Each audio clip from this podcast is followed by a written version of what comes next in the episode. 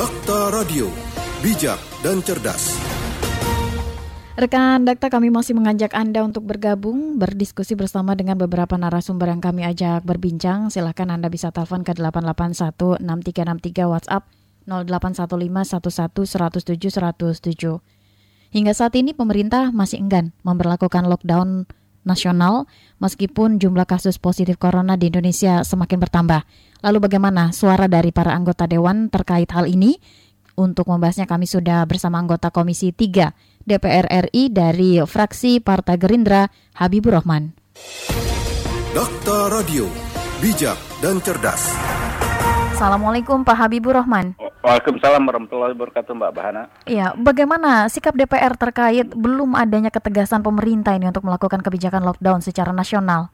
Ya, jadi gini Mbak, apa namanya kalau kita berpendapat eh, yang paling relevan ditetapkan saat ini adalah Undang-Undang Nomor 6 Tahun 2018 uh -huh. tentang kekarantinaan kesehatan. Uh -huh. Karena ini undang-undang uh, kalau di konteks hukum dikatakan lex spesialis. Yeah. Ya, melihat permasalahan ini penyebaran virus corona ya paling paling relevan adalah undang-undang tersebut. Uh -huh. Sehingga ya kan aturan-aturan dalam undang-undang tersebut lah yang menurut kita baiknya diterapkan. Ada uh, kalau karantina nasional nggak ada mbak, tapi yang disebut di undang-undang itu di bab 7 adalah karantina wilayah. Ya. Nah karantina wilayah ini menurut saya sudah bisa diterapkan sejak beberapa minggu yang lalu, uh -huh. ya. karena di bab 7 undang-undang tersebut, undang-undang 6 tahun 2018 tidak mensyaratkan adanya peraturan pemerintah, ya. gitu kan. Jadi udah bisa diterapkan. Uh, kalau toh ada misalnya di undang-undang tersebut pemerintah ketika harus, jadi kan kalau kalau mau dilakukan karantina wilayah uh mhm. -huh. harus ditetapkan dahulu keadaan daruratnya, ya okay. kan. Namanya kalau di undang-undang ini disebutnya uh, darurat kesehatan masyarakat. Uh mhm. -huh. Nah, untuk menyatakan kedaruratan kesehatan masyarakat ini memang pemerintah perlu PP tadinya. Hmm. Tapi kalau kita lihat kondisi saat ini, siapa yang berani bilang ini nggak darurat? Iya. Seluruh dunia bahkan WHO mengatakan ini adalah pandemi. Hmm. Kemudian untuk ya, khusus untuk Jabodetabek itu angkanya tinggi sekali. Jadi nggak perlu kita rumuskan PP menurut saya hanya untuk menyimpulkan ini darurat atau tidak gitu kan.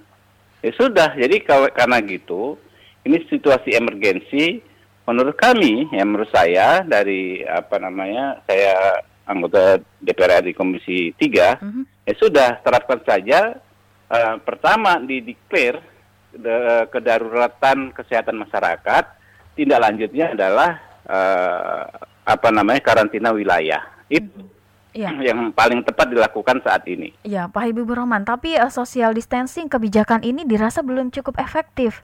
Iya, justru itu di undang-undang disebutkan bahwa uh, masyarakat berhak atas segala macam informasi ya, dan di sisi sebaliknya pemerintah berkewajiban uh, mensosialisasikan. Ya. Nah intinya sebetulnya kan masyarakat ketakutannya. kalau saya lihat di dapil saya Jakarta Timur misalnya, mm-hmm. ya Pak, kalau saya harus uh, di rumah 14 hari gimana makannya dan yeah. sebagainya. Mm-hmm. Padahal pasal 55 ya undang-undang eh, KK ini undang-undang karantina kesehatan ini jelas-jelas mengatur uh, kebutuhan pokok dipenuhi oleh pemerintah mm-hmm. pusat dan dibantu oleh pemerintah daerah. Okay. Ya, di, Tapi di sekarang komisi. sebaliknya Pak Habibur Rahman, daerah yang mengeluarkan dana tetapi pemerintah pusat eh, terlihat enggak, belum enggak, membantu.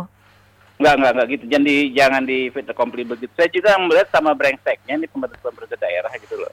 DKI juga nggak bagus-bagus amat gitu loh. Karena nggak nggak nggak konsekuen gitu loh. Mm-hmm. Mana gitu loh. Kalau kalau memang ya saya nggak lihat uh, pusat atau daerah ya. Mm-hmm. Kalau ingin diterapkan, keduanya mempunyai tanggung jawab yang sama, Mbak. Yeah. Jangan dipisah-pisahkan daerah atau pusat. Di undang-undang itu dalam banyak pasal dikatakan berulang-ulang pemerintah pusat dan pemerintah daerah bertanggung jawab secara bersamaan gitu loh. Mm-hmm. Tapi faktanya nggak ada berani juga dan nggak ada juga pemenuhan kebutuhan pokok dari pemerintah daerah, coba. Mm-hmm. Jadi Kalau saat ini baru saja. lockdown atau karantina wilayah masing-masing? Iya bukan. Kalau menutup sih gampang, mbak. Mm-hmm. Tapi memenuhi kebutuhan itu yang persoalan gitu loh. Mm-hmm. Kalau orang disuruh tinggal di rumah 14 hari, sekarang sudah banyak ya Mhm. Mbak ya. Mhm. Laporan dari masyarakat yang mereka sudah 14 hari sukarela lockdown. Tapi yang lainnya kan keliaran. Ya. Ya kan tetap. Ya percuma. Yang sudah 14 hari ini kan sudah nggak bertahan nggak kuat lagi di rumah karena harus keluar cari duit kan buat makan kan. Ya.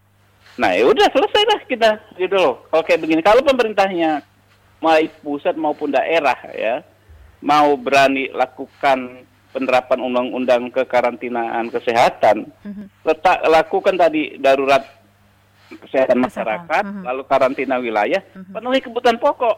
Mhm. Itu kalau hanya nutup-nutup jalan saja ya, Mhm. itu gampang gitu loh. Tapi gimana makannya? Itu. Mhm. Baik, iya. Eh, apa yang menjadi kesulitan baik itu pemerintah pusat kemudian pemerintah daerah sehingga belum berani untuk memenuhi kebutuhan pokok Ya, sehingga mereka masih ada yang keluar. Hmm. Kemarin ada teman-teman kalau nggak salah guru besar eh, FKUI, Mhm. ya UI sudah ada eh, penelitian berapa sih misalnya untuk DKI 9 juta orang, Mhm. ya kan?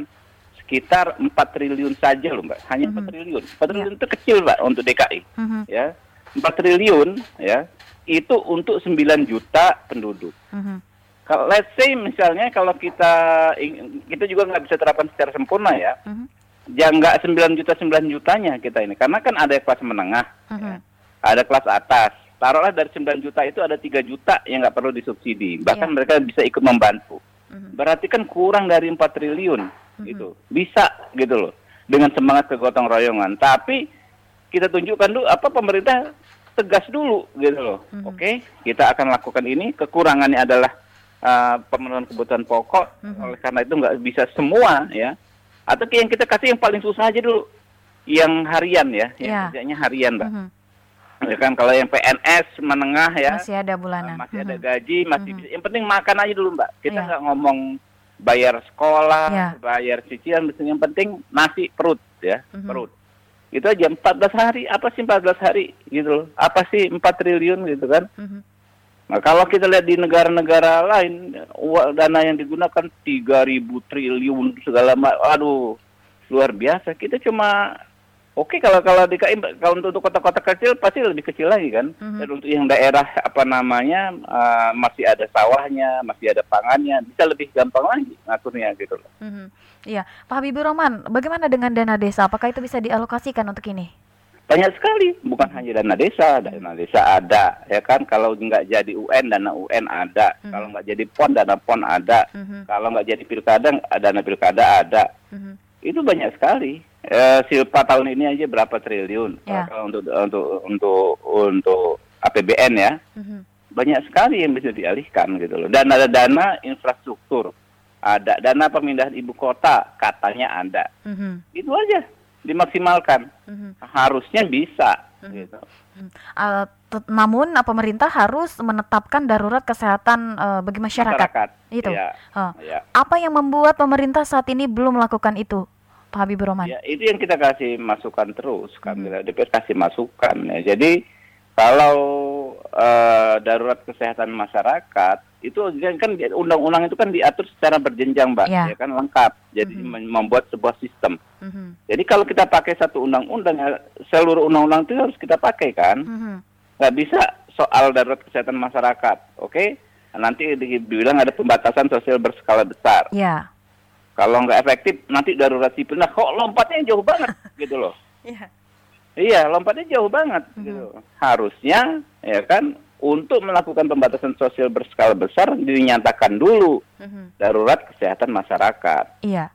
Mhm. Ya. Apa yang menyebabkan uh, pemerintah melakukan hal ini? Kalau dari Pak Habibur Rahman saja melihat harusnya dari karantina kesehatan uh, prosesnya ke darurat kesehatan masyarakat begitu. Hmm. Apakah ini menghindari untuk mengeluarkan dana atau seperti apa sebenarnya? Saya nggak bisa berasumsi. Kami ini kan memberikan dukungan Iya. kepada pemerintah untuk melakukan yang terbaik uh, kepada rakyat. ya. Mhm. Jadi ini ini masukan. Saya nggak mau asumsi menghindar atau nggak mau judgement seperti itu. Mhm. Baik, ya. Apabila menerapkan kebijakan lockdown, kita ketahui ini masih proses untuk menjalankan kebijakan. Eh, apa yang harus menjadi perhatian pemerintah selain masalah ekonomi ini yang sangat genting, Pak Habibur Rahman? Ya saya sih itu aja, nggak ada yang lebih penting dari perut. Ya. concern saya itu saja. Rakyat bukan rakyat nggak mau. Mhm. Saya keliling Jakarta Timur masih banyak yang jalan-jalan ya kan orang segala macam. Bukannya mereka nggak mau Mhm. apa namanya untuk di rumah, tapi nggak tahu caranya bertahan hidup di rumah gitu loh. Kalau nggak ada distrib- apa namanya pemenuhan kebutuhan pokok dari pemerintah. Mhm. Baik, artinya kalau melihat beberapa negara lain yang siap untuk menyiapkan dana tersebut untuk warga, rasanya Indonesia masih jauh ini Pak Habibur Rahman. Nah, kita nggak mau penilaian-penilaian yang jelas ya kan kita minta ya kita kepada pemerintah saya selaku wakil rakyat ya terapkan saja undang-undang karantina kesehatan. Mhm. Baik, Pak eh, di DPR sendiri sudah punya protokoler untuk menghadapi wabah COVID ini. Maksudnya? Untuk wabah COVID-19 ini ya pastinya DPR kan juga punya protokoler sendiri atau peraturan yang harus dipenuhi untuk anggota DPR agar terhindar dari COVID-19. Oh, kalau itu sih kita ada. Mhm. Kemarin kan rapat kita eh, rapat sekarang ini diputuskan bisa secara virtual atau semi virtual. Sebagian hadir di ruangan, sebagian lewat telekonferensi. Mhm. Ini yang kita lakukan ini udah dua udah tiga hari ini. Ini jam 11 pun saya rapat komisi 3 Mhm. pakai aplikasi ya, Mhm. pakai aplikasi. Mhm. Itu sih yang paling baik sebab kalau misal tetap hadir bagaimanapun rentan, Mbak. Iya. Kemarin kan sudah ada satu eh, rekan kita yang wafat ya. Mhm. Eh, kita nggak ngerti karena kan DPR ini nggak kayak menteri kan yang difasilitasi tes dan lain sebagainya kita mau tes ke mana juga nggak ngerti kan. Ya. Jadi apa namanya nggak tahu siapa yang sudah positif atau belum di antara anggota DPR gitu. Mhm. Jadi yang paling bagus adalah ini pakai telekonferensi. Mhm. Menerapkan social distancing itu ya. Iya, betul. Mhm. Iya. Terakhir Pak Habibur Rahman, apa yang ingin disampaikan kepada pemerintah kemudian juga kepada masyarakat? Silakan. Ya saya pikir kalau ke pemerintah ya eh, bahwa masyarakat sebetulnya bukannya bandel atau takut untuk stay at home, Mhm. tapi masyarakat eh, harus dipenuhi kebutuhan pokoknya, terutama mereka yang eh, kerja harian. Harian. Ya, itu saja. Jadi eh, pemberlakuan Undang-Undang Karantina Kesehatan Nomor 6 Tahun 2018 itu mutlak saat ini. Mhm. Buat apa kita capek-capek bikin undang-undang ya? Tapi tidak eh, nggak kita pakai Mhm. dan itu sangat-sangat relevan, sangat relevan dengan persoalan yang terjadi. Karantina kesehatan itu semua pasal-pasalnya mengatur soal penyebaran penyakit menular. Mhm. Semua pasal-pasalnya, se- semua bab dalam undang-undang tersebut. Kenapa kita harus mengajukan undang-undang lain ya yang relevansinya sedikit sekali. Kalau di undang-undang darurat eh, apa namanya undang-undang eh, yang mengatur soal darurat sipil ya, Mhm. eh, perpu tersebut itu hanya satu dua pasal dari puluhan pasal misalnya soal nggak apa kewenangan untuk eh, melarang orang keluar rumah. Itu hanya di pasal 19 Mhm. ya kan? Jadi nggak relevan nggak nyambung gitu loh. Mhm. secara umum nggak nyambung. Itu orang undang-undang di saat perang dibuat saat perang dan dibuat untuk perang. Tapi ini eh, masalah yang kita hadapi bukan perang tapi virus. Mhm. ya nah itu kalau ke masyarakat saya pikir eh ya kita masing-masing berinisiatif ya kalau bagi yang mampu bersiap ya kalau toh nanti karantina wilayah diterapkan kita harus juga membantu masyarakat yang kurang mampu karena nggak mungkin mbak ini negara ya kita nggak mau salah-salahan juga Mhm. ini negara ini keadaannya seperti ini tapi yang jelas nggak mampu mbak kalau pemerintah sendiri Ya. Iya enggak? Mhm, Nah, harus karena butuh itu kan ini ya. masalah kita bersama ya kita hadapi bersama. Yang bisa bantu ya bantu. Mhm. Anggota DPR sama dengan daerah Pak eh, mengalokasikan sebagian pendapatannya? Kalau pikir Mbak, kalau anggota DPR ini nggak usah diajari lagi berbagi Mbak. Mhm. Ya nggak ada corona aja gaji kami itu sudah habis untuk ya eh, membantu masyarakat miskin di daerah masing-masing. Coba cek Mhm. 80% anggota DPR. Tapi jangan dinilai kerja kami dari situ. Mhm. Bukannya mau ria ya. Ya. anggota DPR biar tiap hari nyemprot nyemprot sana sini pakai uang pribadi itu bukan lagi 50 per 50 persen Mhm. lebih dari Lebih ya? 100% gaji Mhm.